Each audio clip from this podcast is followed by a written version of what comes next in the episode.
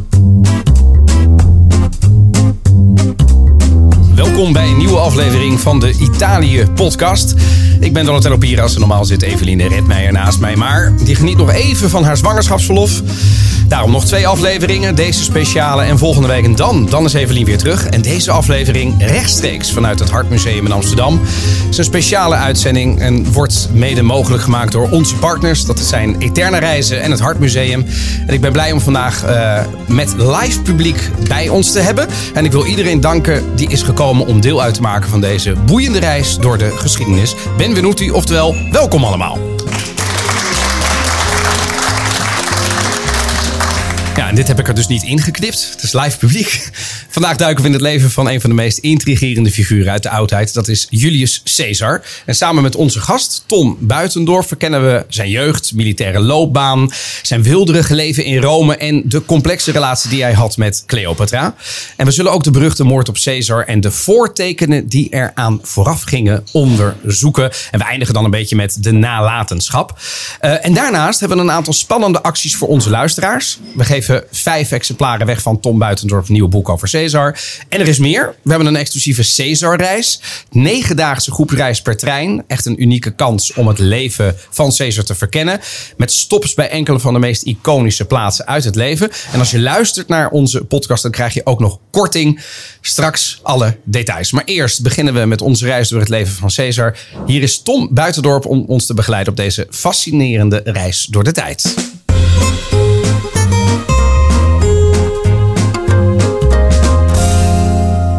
Harte welkom, Tom. Ja, bedankt. Ja. Um, je hebt heel veel met uh, de partners, hè? Uh, zowel met het museum als met Eterne Reizen. En nu ook met de Italië-podcast. Klopt, klopt, Maar als eerste vraag, wat heb jij eigenlijk met Italië? En komen we zo meteen op Caesar. Ja, ik vind Italië met mijn vrouw samen zijn we al uh, redelijk veel geweest. Omdat we het gewoon hartstikke leuk vinden. Mm -hmm. en Rome vinden we ook heel mooi. Dat vinden we een hele gezellige stad. Uh, dus daar zijn we eigenlijk al heel vaak geweest. Uh, gewoon puur voor de sfeer. Ja, puur voor de sfeer. Ja. En dan natuurlijk Caesar, want dat is niet zomaar. Je hebt er boek over geschreven, je hebt onderzoek gedaan als archeoloog. Je bent er geweest. Ja. uh, en we gaan zo meteen eigenlijk bij de opening van de tentoonstelling hier in het hart komen we jouw naam al meteen tegen. Dat heeft met het uiterlijk te maken, maar dat zo meteen. Ja. Hoe ben jij ooit gekomen om daar onderzoek naar te doen? Ja, dat is ooit begonnen met het lezen van Asterix en Obelix. Zoals bij velen, moet ik zeggen. Ja. Dat, was, dat, dat, dat, heeft mijn fascinatie met de Romeinen op gang gebracht. Uh -huh. En via veel omwegen ben ik gegeven moment gepromoveerd op de Romeinse stad Form Hadriani bij Voorburg. En gesticht door keizer Hadrianus. En ja? zodoende in keizer Hadrianus geïnteresseerd geraakt. En ja, toen vond ik ook wel fascinerend de eerste, uh, ja, wat wordt gezegd, de eerste keizer. Hoewel formeel was dat zijn opvolger, maar Caesar. En daar ben ik ook gaan overlezen. En, en, en toen kwam ik tegen dat je er van Caesar in de lage landen eigenlijk veel meer nog kunt zien dan bekend is. Ja. En dat vond ik gewoon heel fascinerend. En dus heb je ook een boek geschreven? Klopt, ja. ja, ja. Uh, de Caesarroute? De Caesarroute, ja. Ja. Bij, ter gelegenheid van de expositie. Ah, kijk. Ja. Ik had eerder een boek geschreven, een dik boek. Uh, dat is meer echt voor liefhebben. Caesar in de lage landen. Ja. En de Caesarroute, dat is echt een boek, uh, boek ja, voor mensen die op, in de lage landen op reis willen. En op stap willen. En willen gaan kijken, waar is hij nou geweest. En de lage landen, we hebben het gewoon over ons eigen... Ons eigen land, België. België. Stukjes van Duitsland. Ja. Uh, en heel vaak mooie natuur. Want hij had smaak voor natuur, zal ik maar zeggen. Dus, niet alleen de bebouwde omgeving, om nee, nee, te zeggen. Nee, het is heel vaak in, waar veldslagen zijn geweest en dergelijke. Met hele mooie wandelingen. En die staan er ook in uh, beschreven. Ja, heel mooi. En, en dat reizen, en dat is ook het verhaal van het reizen inderdaad naar Rome. Dat we, dat, dat we dus een reis gaan doen, dat vond ik heel eervol dat ik mocht doen met Eterna reizen. Om ook in Rome te gaan kijken. Omdat Ja. daar is ook heel veel nog te zien wat met hem te maken heeft. Ja. En eigenlijk, ja, als je op, we komen misschien nog praten, maar als je op de plek staat waar die vermoord is en dat soort zaken, dan, ja, dan komt het allemaal heel dichtbij. Ja, ja, over die moord gaan we dat natuurlijk Ja, ook nog hebben. ja, maar laten we eerst beginnen met een ander moment. Je moet eerst geboren worden. Ja. Zijn uh, Julius Caesars geboorte. Oké, ja. Um, jouw onderzoek, laten we daar maar eens mee beginnen. Je werpt ook een nieuw licht op Caesars geboorte aan de hand van een beeld in Turijn. Klopt. Leg uit. Klopt. Ja, en dat is wel heel interessant, want dat, dat gaat er ook meteen over. Want het, het gaat niet alleen over Caesar, mijn onderzoek, maar het gaat eigenlijk over de, de, de, de manipulatie van beeldvorming, waar de Romeinen heel goed in waren.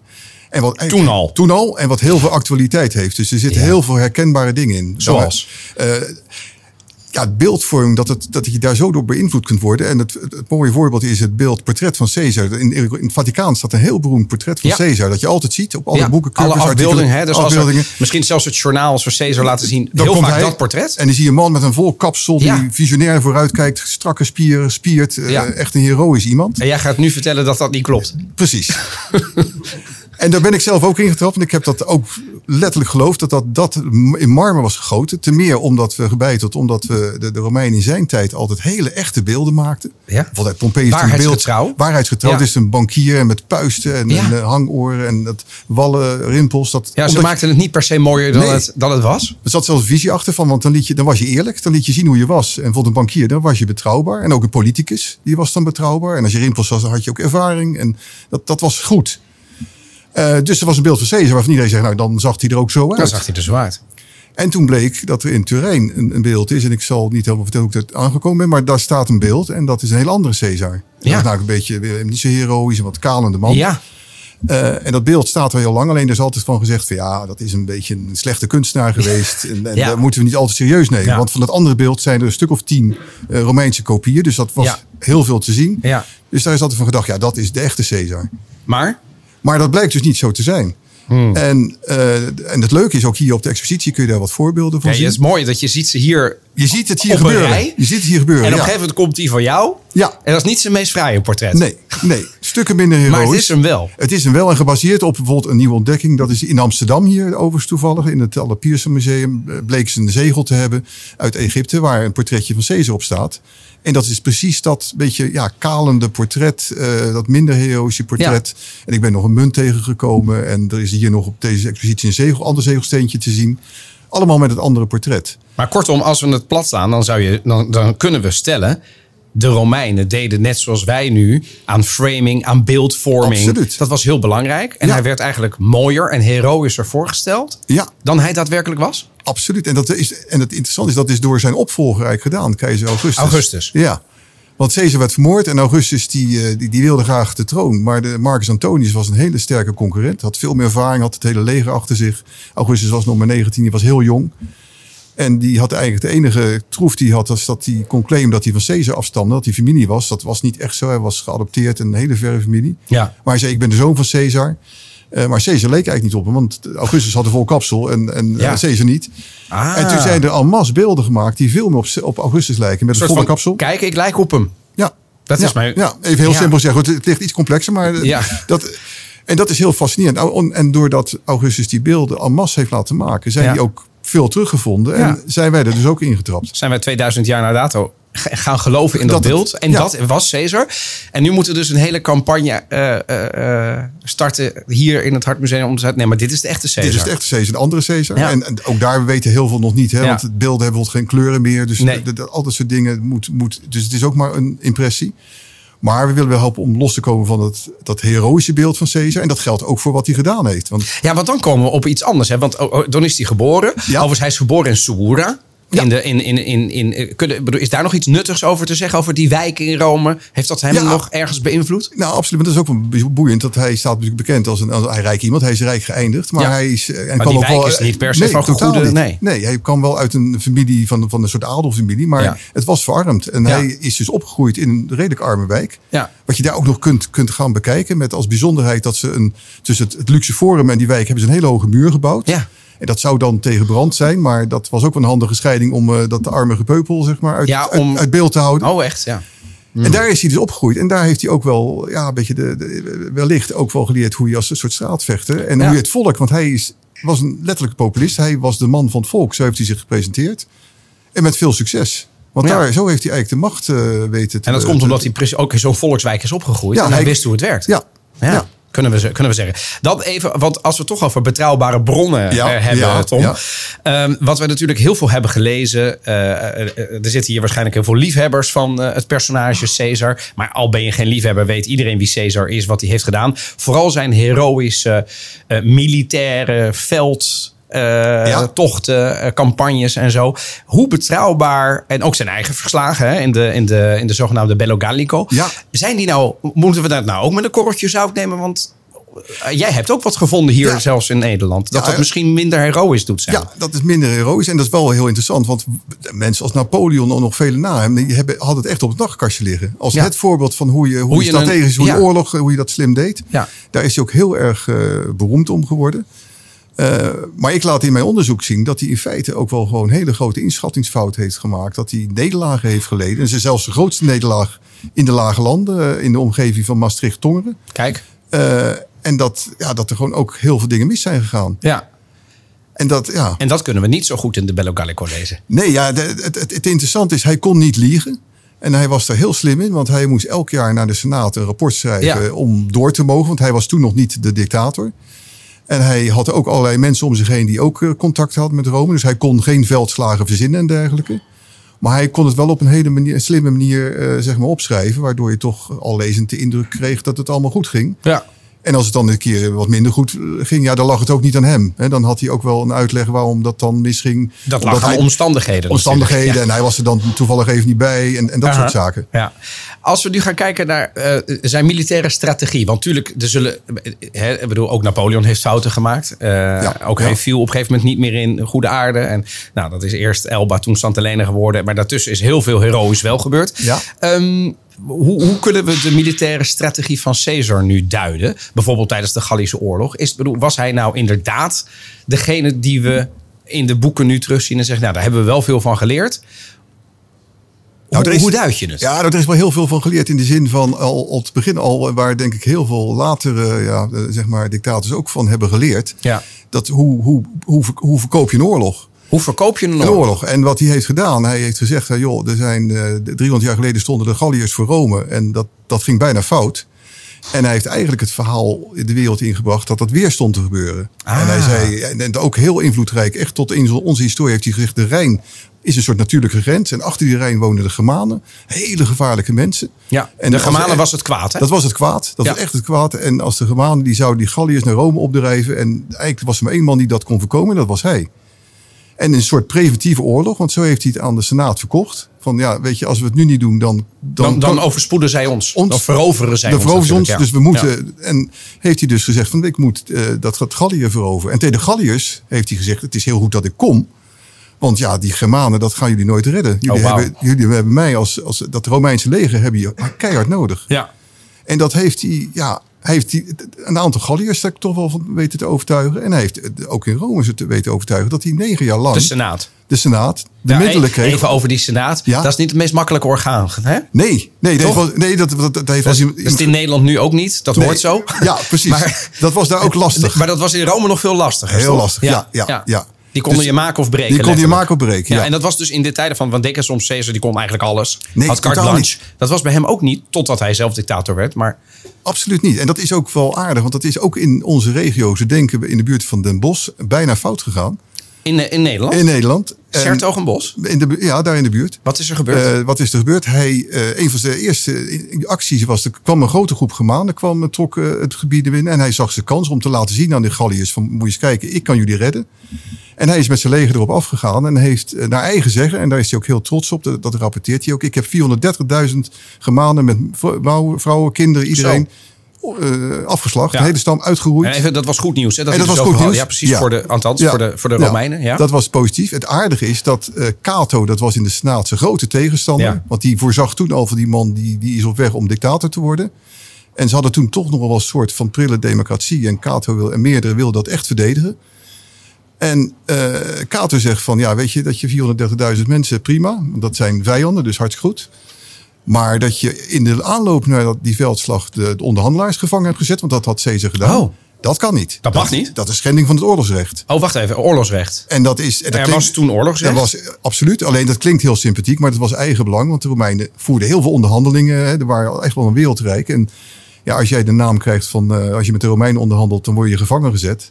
Oh. Dat is niet handig. Dus Dus het was niet puur altruïsme Het was of absoluut geen weldoenerij. altruïsme. Nee. Het was eigen belang. Eigen maar belang, er was dus maar er was oorlogsrecht. oorlogsrecht. En Dus je kon ook mis, oorlogsmisdaden begaan. absoluut. En Cato zei van op het moment, Caesar, als jij terugkomt in Rome. Ja? dan voelen we ons verplicht om jou uit te leveren aan de Germanen. Als een soort genoegdoening. Oh. Nou, en Caesar, En en, toen- en, dat is dat, en er zijn meer, want het verhaal is natuurlijk wat complexer, maar dat heeft wel invloed gehad. Want Caesar is teruggekomen naar Rome, maar niet alleen, maar met zijn leger. Ah. En heeft dus een militaire staats Staatsgreep en, gepleegd. en de macht gegrepen. Ja. Cato kennen we ook nog van de, de, de, beroemde, de wereldberoemde uitspraak nog altijd. hè, Voor het overige ben ik van mening dat Ja, absoluut. Carthago verwoest moet worden. Ja, precies. klopt. Ja. In de Nederlandse Ja. politiek nog heel vaak geparafraseerd door deze en gene. Ja. Ehm, we hebben het even gehad over. over, over kijk, we, hebben, we gaan eh, toch even als disclaimer ook voor de luisteraar. Luisteraar. We gaan natuurlijk niet volledig zijn in het leven van Caesar. Zelfs met Tom Buitenop gaat ons dat in de beperkte tijd niet lukken. Nee. Dus we pakken er wat highlights Ja, uit. ja. Eh, we hebben het natuurlijk ook even gehad over opgroeien in die volkswijk. We hebben het gehad eh, eh, een beetje over nou ja, de, de, de, de framing en de beeldvorming die niet altijd... en dat met name door jou toe doet, om we nu weten dat het soms ook anders ligt. Ehm, als we toch eens gaan kijken, want hij heeft natuurlijk ook... ehm, we, we kennen Rome toch en ook de tijd waarin Caesar toch van het luxe...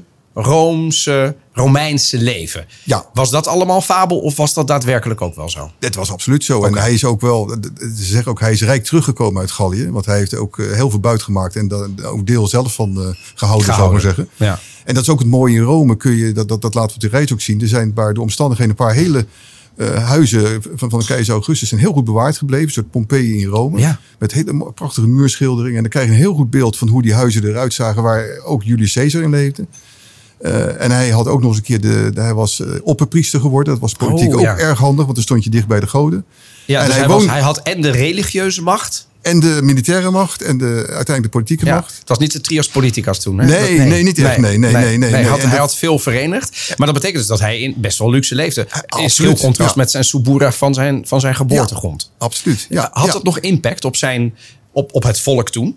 Ja, dat is een discussie. Dat is, want de- er zijn schrijvers, Romeinse schrijvers, die een beetje hem zo beschrijven van ja, die man kreeg een soort grootheidswaanzin en die is, is heel luxe gaan leven en eh, zag de werkelijkheid niet meer. Ja. Maar dat is moeilijk te rijmen met van. Tijdens de Gallische Oorlog was hij wel iemand die ook razend populair bij zijn soldaten was. Juist omdat hij zo dicht bij de mensen stond. Dus da, da- daar is, da- dat is nog lastig. Dat, Dat weten we is eigenlijk lastig. niet 100%. Nee, precies. hoe, dat, Nee. hoe populair hij was ten tijde van, laten we zeggen, zijn heerschappij in Rome bij het volk. Dat is het, enige wat wel bekend is. Hij werd vermoord. En toen was eigenlijk de verwachting van ja, nou is iedereen eh, boos op Caesar. Maar ze waren boos op de moordenaars. Ja. En die moesten Rome ook ontvluchten. Ja, dus toen, dan weten we wel iets over zijn populariteit. Hij, Ja. wa- hij was niet, niet populair. Nee, nou het enige is, dat is ook weer, een, ook weer een mooi voorbeeld. Dat is ook wel weer deels gemanipuleerd door zijn opvolger Marcus Antonius. Dus dat, eh, die heeft dat ook weer heel mooi eh, de, mensen weten op te hitsen bij de begrafenis van Julius Caesar. Dat is een, ook weer een heel bijzonder verhaal.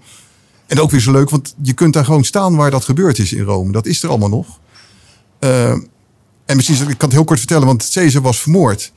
En eh, Marcus Antonius was de rechterhand van Caesar. Dus het lag eigenlijk voor de hand dat die ook eh, aan de beurt zou zijn.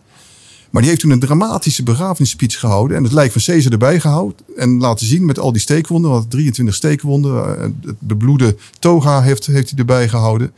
En volgens verhalen zelfs ook een beeld van Caesar. Wat op een ding ronddraaide. Dat je kon zien hoe die, ja, hoe die verwond was. Nogal luguber. Luguber. En als een soort martelaar heeft hij hem toen neergezet. En beschreef dat Caesar allemaal voor goede dingen had gedaan. Waar Marcus Antonius ook bij was geweest. En hij is erin geslaagd om de, de, de, de massa inderdaad zo kwaad te krijgen. Dat hij de, de, de moordenaars achterna ging. En die zijn ook gevlucht. Kijk.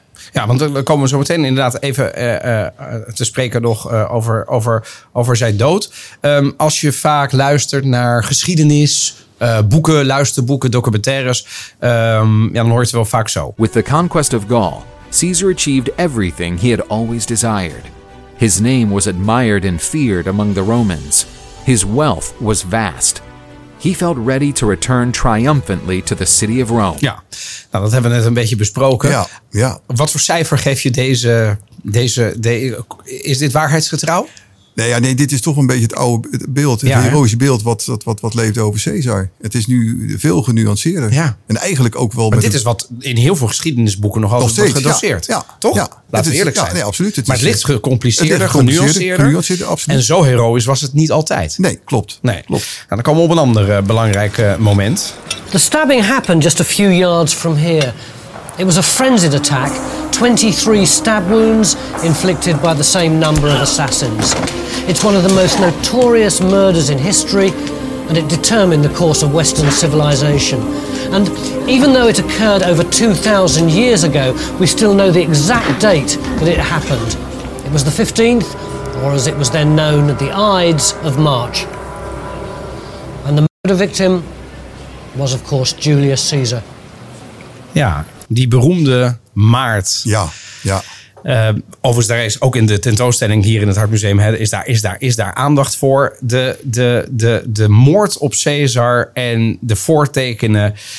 Maar er waren voortekenen hè? dat dit dreigde te gebeuren totdat, voordat deze man op deze vrij gruwelijke manier overigens werd, uh, werd ja, vermoord. ja, en dat is wel, moeten we met de korrel zout nemen, want dat hoorde altijd wel bij Romeinse verhalen, dat er voortekenen waren. Hè? Dat wordt dan geschreven, dat er een Ja. maand van tevoren een waarzegger Ja, zei precies, van kijk ja. uit voor de 15 van de maart. En, Ja, een soort wie is de mol? Wat is nou wel waar en wat is nou niet waar? Ja, precies. En zijn ja. vrouw die Ja. zou zo'n nare droom hebben gehad. en- Ja, en, en, ja.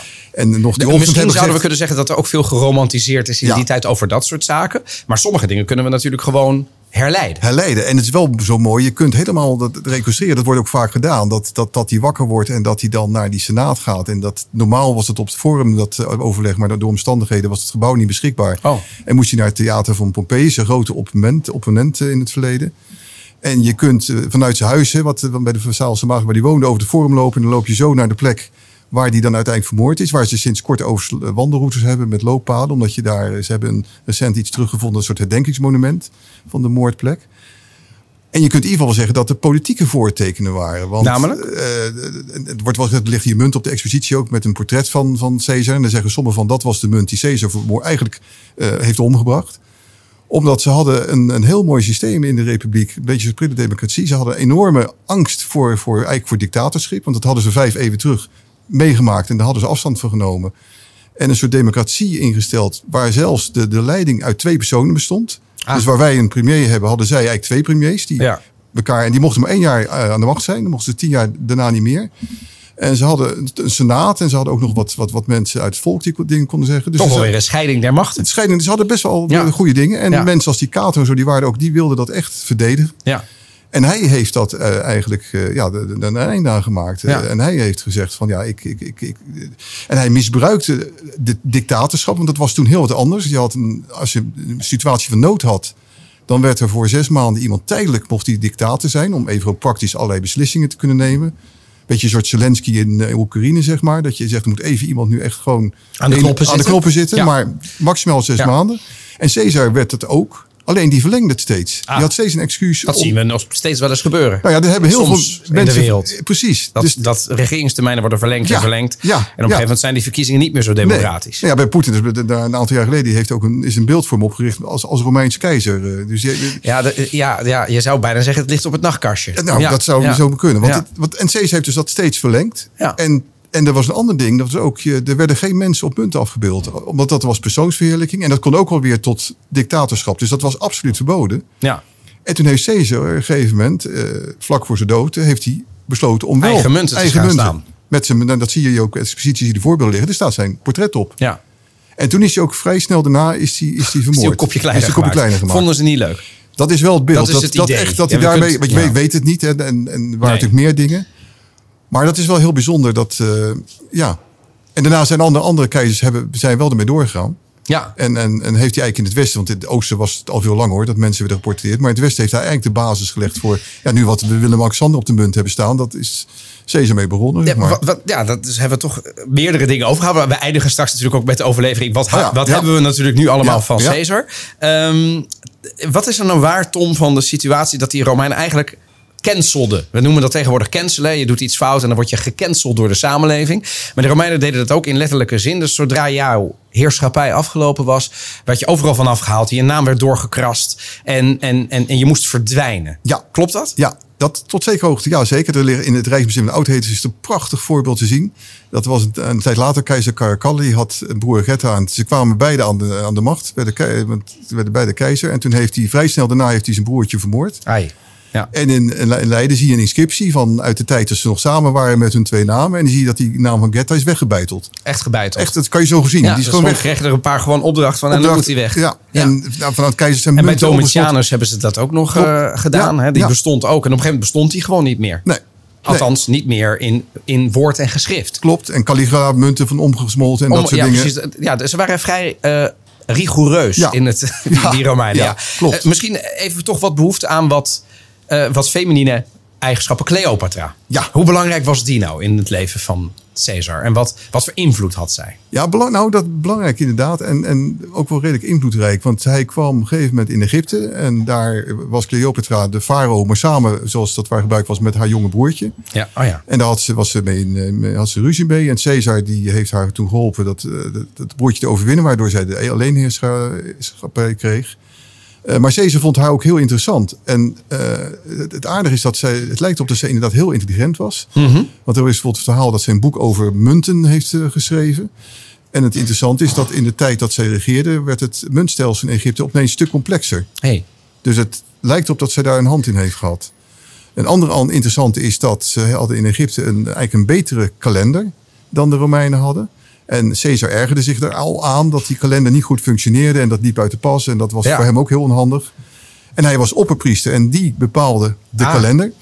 En het is dan, dus hij komt terug van Cleopatra en hij hervormt de kalender zoals wij eigenlijk nu nog steeds hebben. Dat is de kalender die wij nu nog kennen. Ja, en daar, daardoor is het aantal, aantal dagen. En, Ja. en we noemen de maand juli nu juli. Want dat heette eigenlijk tot zijn tijd de vijfde maand. Maar dat werd juli genoemd. Genoemd naar Julius. Nou, Julius. Julius, ja.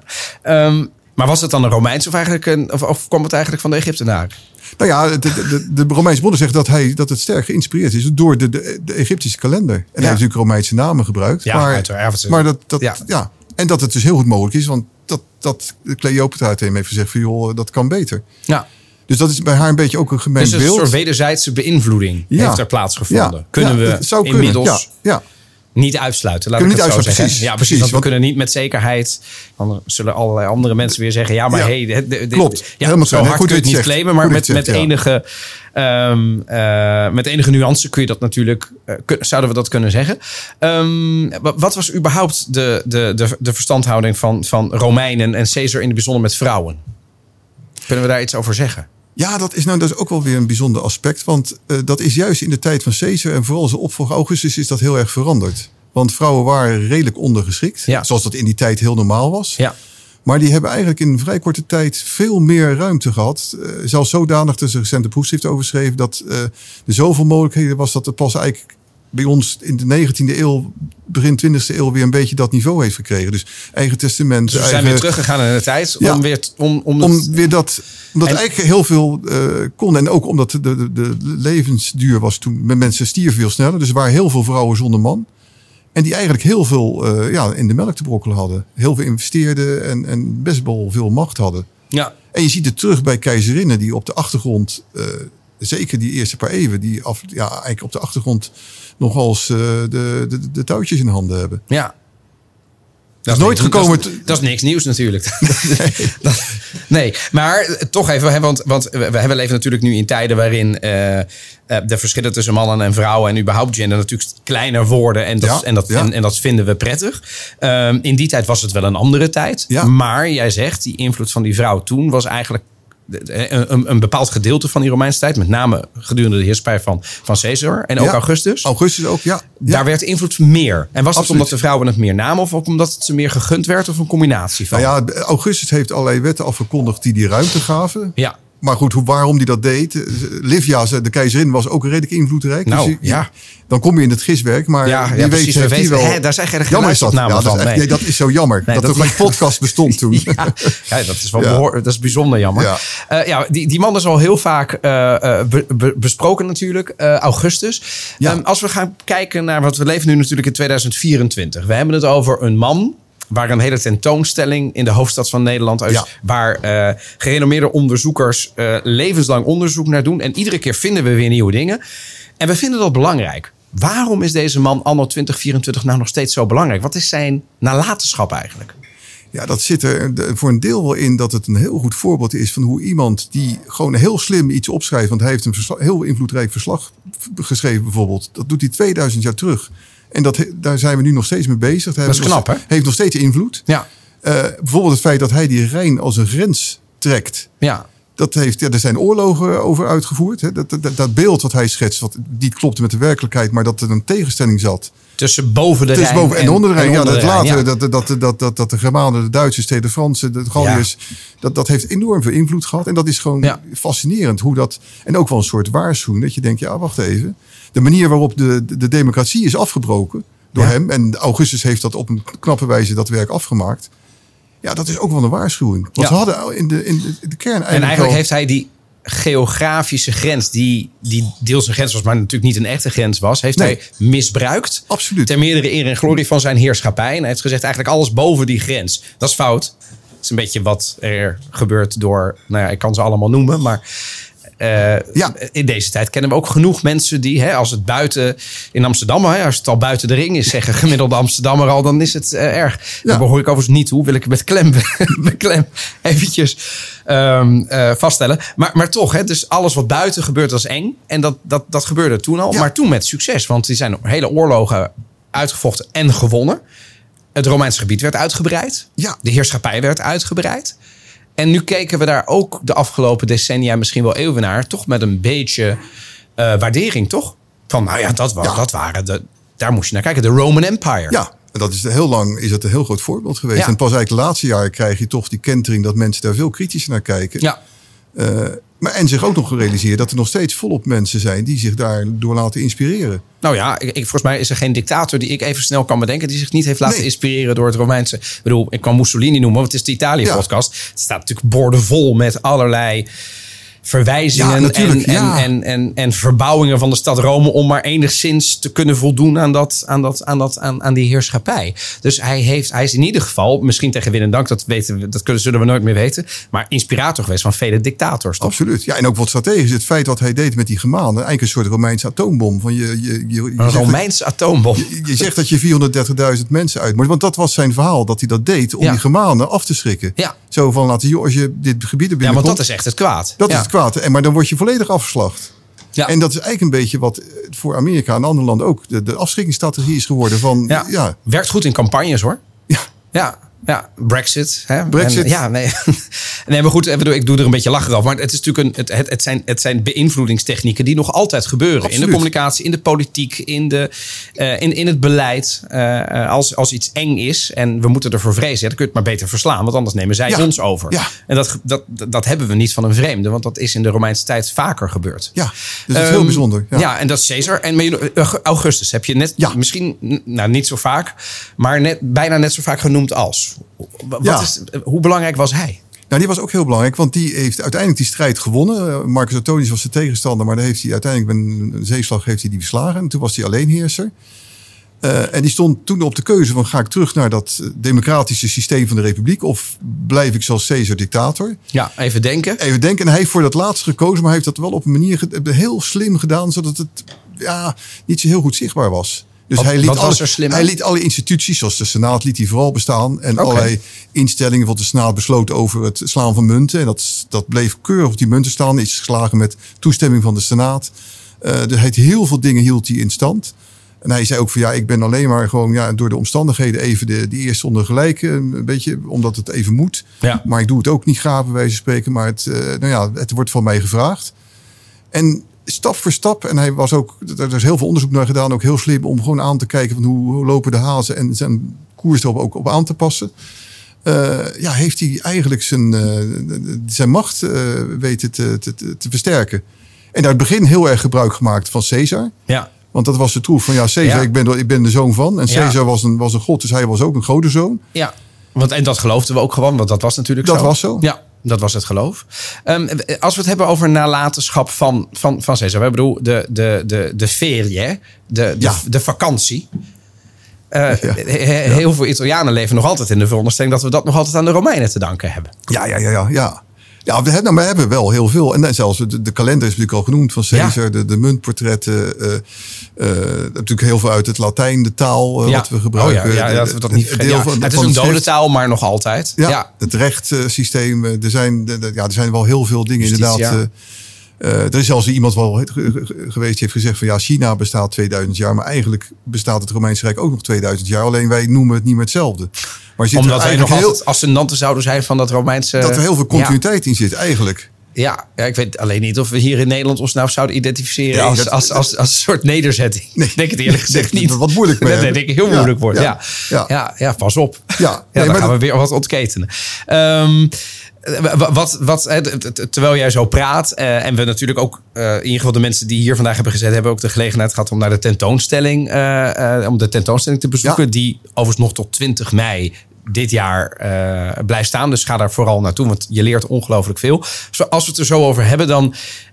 Hè, L'histoire se répète, zeggen we wel vaker. Eh, sommigen nemen die boeken en, en, en halen daar bepaalde inspiratie uit. Nou, dat staat natuurlijk iedereen vrij. Toen ik net had over die rechtsstaat, dacht ik... ja, we, hebben het, we zijn nu ook in onderhandeling met het misschien nieuwe kabinet. En dan hebben we het over de grondwet, hebben we het over de, de voorwaarden. En die gaan we misschien weer een beetje aanpassen. Dat is Ja. ook weer iets van alle tijden natuurlijk. Ja. Ja, en ook dat je eigenlijk eh, sommige dingen kunt vergeten. Het feit dat wij een, een koning op onze munt zetten, dat Ja. is eh, oh, ja, totaal onschuldig. Ja, Maar eigenlijk als je dat iemand in de republiek had gezegd, die had gezegd, waar ben je mee bezig? ja, Want dat is hartstikke gevaarlijk. En dat, ja. doordat die dingen stapsgewijs gaan, eh, en ik wil niet zeggen dat Willem-Alexander eh, de macht gaat grijpen, begrijp me niet verkeerd. Maar ik bedoel wel te zeggen, ik, ik denk dat de macht van de koning dat eerder Eh, afneemt, afneemt dan, dan- dat hij toeneemt in, Maar- de, maar- in de monarchie. Maar ja, Maar, het, met, in, maar in Europa als voorbeeld, Ja. daar heb je Ja. eigenlijk ook weer een hele prille democratie. En Ja. als je niet uitkijkt, kan dat fout gaan. ja, een enorm prille democratie. Sommige landen zijn nog heel jong. Hè. Italië is pas 1861. Dat is natuurlijk een, een super jong land. Zeker Ja. vergeleken met andere omricht, om, Ja. omliggende landen. Het is ja. een piepjonge democratie. Dus kwetsbaar, zeggen velen. Kan veel gebeuren. Eh, ze zijn daar overigens ook als de dood voor dictators. Hè. Dus vandaar dat, daar, dat niemand heeft daar echt de macht. Grote Nee, nee, frustratie ja, ja. van premiers. Die denken, hè, Berlusconi die, die klaagde eigenlijk het meest vaak over het feit dat hij... En dan won hij en dan had hij nog geen macht. En dan zei hij, we moeten eigenlijk weer wat meer macht aan degene die gekozen is. Dan kan ik eindelijk die wetten uitvoeren. Ja, en dan werd natuurlijk iedereen als een soort kato wit heet van woede. En zei, het is gewoon een dictator, hij wil meer macht. Ja, dat is twintig, lang door, 20 jaar lang doorgegaan, dit soort discussies in Italië. Het is wel mooi dat dat er dan nog zo in zit eigenlijk. Dat, Het is aan de ene kant mooi, maar sommige mensen vinden het Vervelend. Nou, ze zijn doodsbang. Ja, ja, ja, ja, ja. Iemand dan. Het is, het is maar welke kant je het bekijkt, denk ik. ja, ja, als jij iemand van. eh, Die, die, die, die, laten we zeggen, wat, wat, wat meer aan de linkerkant van het spectrum. Die zal, die zal doodsbang zijn. En iemand aan de rechterkant van het spectrum zou zeggen. Ja, maar een man had groot gelijk. Want hij kan nooit iets doorvoeren. Want ja, dan, dan komt hij er doorheen. Dan moet het nog door de Senaat. Die gaat het weer terugsturen. Dus wat kun je nou eigenlijk? Dan heb je gewonnen in een land en dan kun je niks. Nee, laten we dan maar naar een. Nou ja, een verlichte spoot. En dan wordt er weer gewezen naar Maar op die manier, ja, Ja. ja. nee, ik dacht Ja. juist dat er heel erg in zat dat, dat die aversie tegen dat Nee, nee, maar dictatorschap. dat, ja, ja, zeker. Door, door minstens, nou ja, ik denk wel meer dan de helft, is de aversie tegen te veel macht zit er zeker in. Ja, ja want we, dat moeten we blijven scheiden natuurlijk. Ja, ja, ja. Ja, dus dat was Ja, interessant. mooi, ja. Eh, ja, vond je het mooi? Ja. Ja, nee. Ehm, laten we eventjes eh, gaan naar... eh, we gaan richting de conclusie van... Over, we blijven nog even bij de beeldvorming en de, en, en, en de propaganda. En daarna vraag ik jou, Tom, wat is nou de conclusie... voor zover je dat zou kunnen doen over zo'n complexe periode... en man maar toch, ehm, van Caesar. Maar dat doen we via Hendel.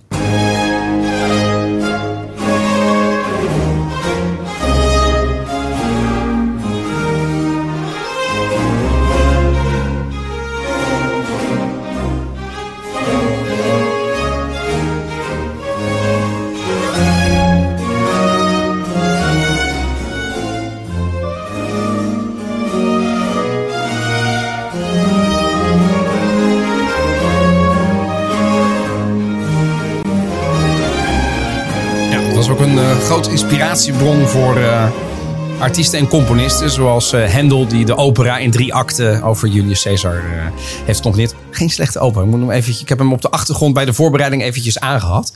Handig, YouTube af en toe. Ehm, dus dat is goed. Laten we even ehm, eh, richting het slot. Ehm, we hebben het al gehad over hoe de Romeinse tijd, maar met name ook Caesar en, en zijn opvolgers ons hedendaagse beleid hebben beïnvloed. Eigenlijk best wel veel. Ja. We, hebben we kunnen een conclusie trekken dat veel van wat wij in documentaires en in boeken hebben gelezen. misschien iets te rooskleurig was in het voordeel van de Romeinen en Caesar in het bijzonder.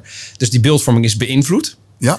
Ja. Eh, zelfs zijn beeldenis is niet wat we ooit decennia, misschien eeuwenlang hebben gedacht. Dat heb jij eh, veroorzaakt, eh, Tom.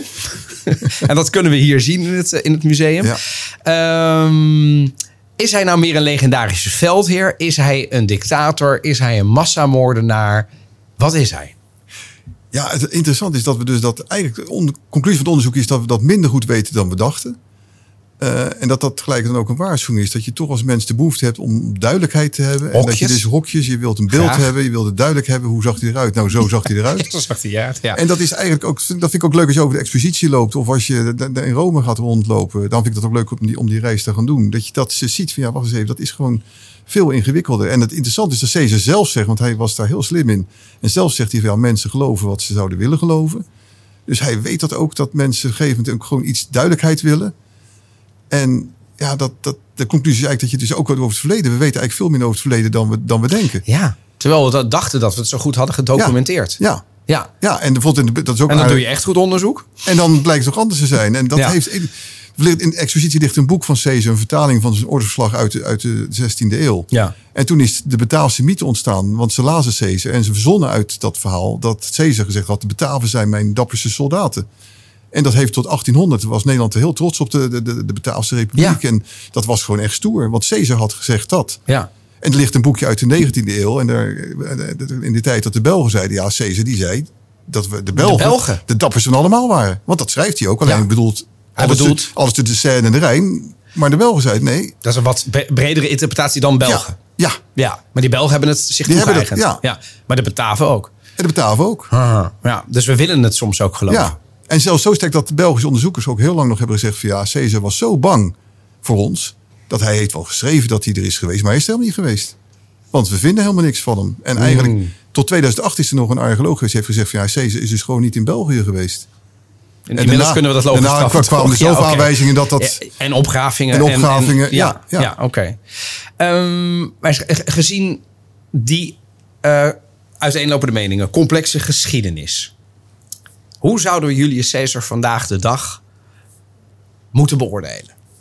Als jij dat zou mogen doen. Wat, wat, wat, en je zou een zin mogen beginnen. Waar beginnen we dan mee? Ja, dat is heel moeilijk. Want ik, de, het, het vreemde is dat je enerzijds denkt van ja, misschien zijn we wel bezig met iemand, gewoon een soort Hitler zeg maar. Ja? Ben je gewoon een soort Hitler aan het onderzoeken. Eh, maar het kan ook zijn dat je een soort miskend genie aan het Ja. onderzoeken bent. Want Ja. hij heeft ook hele interessante dingen gedaan. Kan het niet allebei?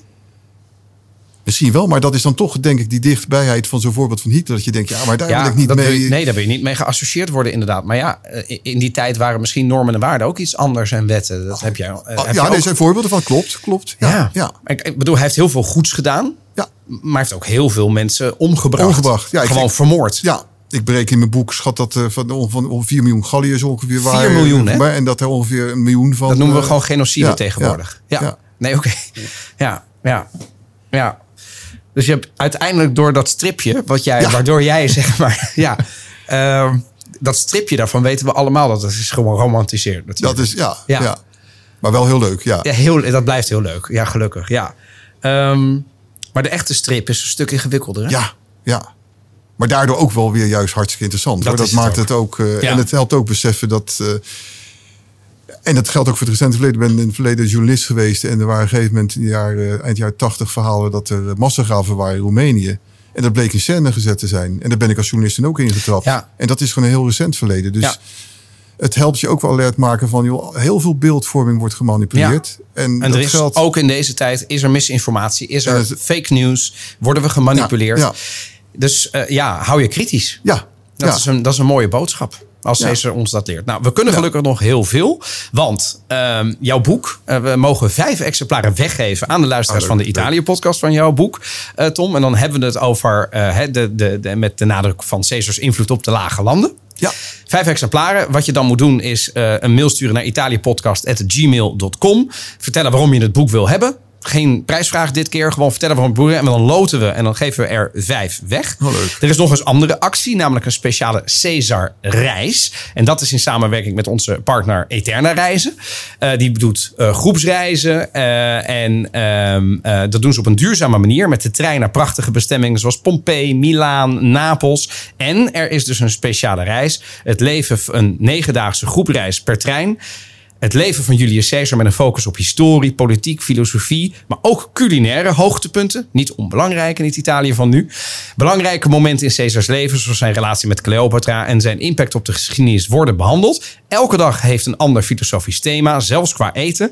En samen met Tom en André, want jij bent Klopt. daarbij, Ja, ja. bezoeken je het Palazzo Reale eh, in Turijn, het Forum Romanum in Rome, de filmstudios van Cinecittà, het Lago di Torre Argentina, de plek waar Caesar werd vermoord, en de Musei Vaticani, de Vaticaanse musea. En luisteraars van de Italië-podcast krijgen 5% korting. Kijk in de show notes of op eternareizen.nl. En Eterna op zijn Latijn hè, met AE, E, op zijn ja, Caesar. ja, Ja, ja. Ehm, en we hebben natuurlijk nog de, eh, het Hartmuseum waar we hier opnemen nog tot en met 20 mei dit jaar. En volgens mij op 17 februari Geef ik hier nog een lezing? ja, er komt nog een mogelijkheid zegt, ja. om, om, om, Om om, jou en de tentoonstelling in één keer te doen. Ja, toch? Ja, ja, Ja, Nou, dat is, eh, dat is, eh, dat is eh, fantastisch. Ik wil je alvast van harte danken. En aangezien we toch publiek hebben, kunnen we dat eindelijk een keer doen met een warm applaus voor Tom Buitendorp. Dankjewel. Ja, en dat betekent dat ik naast Tom bedankt natuurlijk de partners bedank. Het Hartmuseum, Eterna Reizen, de luisteraars van de Italië podcast en alle publiek die hier vandaag aanwezig is. Volgende week spreken we over Italo Calvino met professor Elio Baldi van de Universiteit van Amsterdam ter ere van zijn 100ste geboortedag. En dat is de laatste die ik alleen doe, want daarna komt Eveline Redmeijer eindelijk weer terug. Wil je nou nog meer afleveringen van de Italië podcast luisteren, dan eh, vind je ons in je favoriete podcastplayer. Abonneer je direct en geef ons eh 5 sterren op Spotify of Apple Podcast. En eh, wil je adverteren, dan kan dat via adverteren@dagennachtmedia.nl. Bedankt en volgende week hebben we weer een nieuwe podcast iedere woensdag. Wij gaan hier nog eventjes een drankje doen in het Hartmuseum in Amsterdam en napraten over Julius Caesar. Galácia. Tchau, tchau.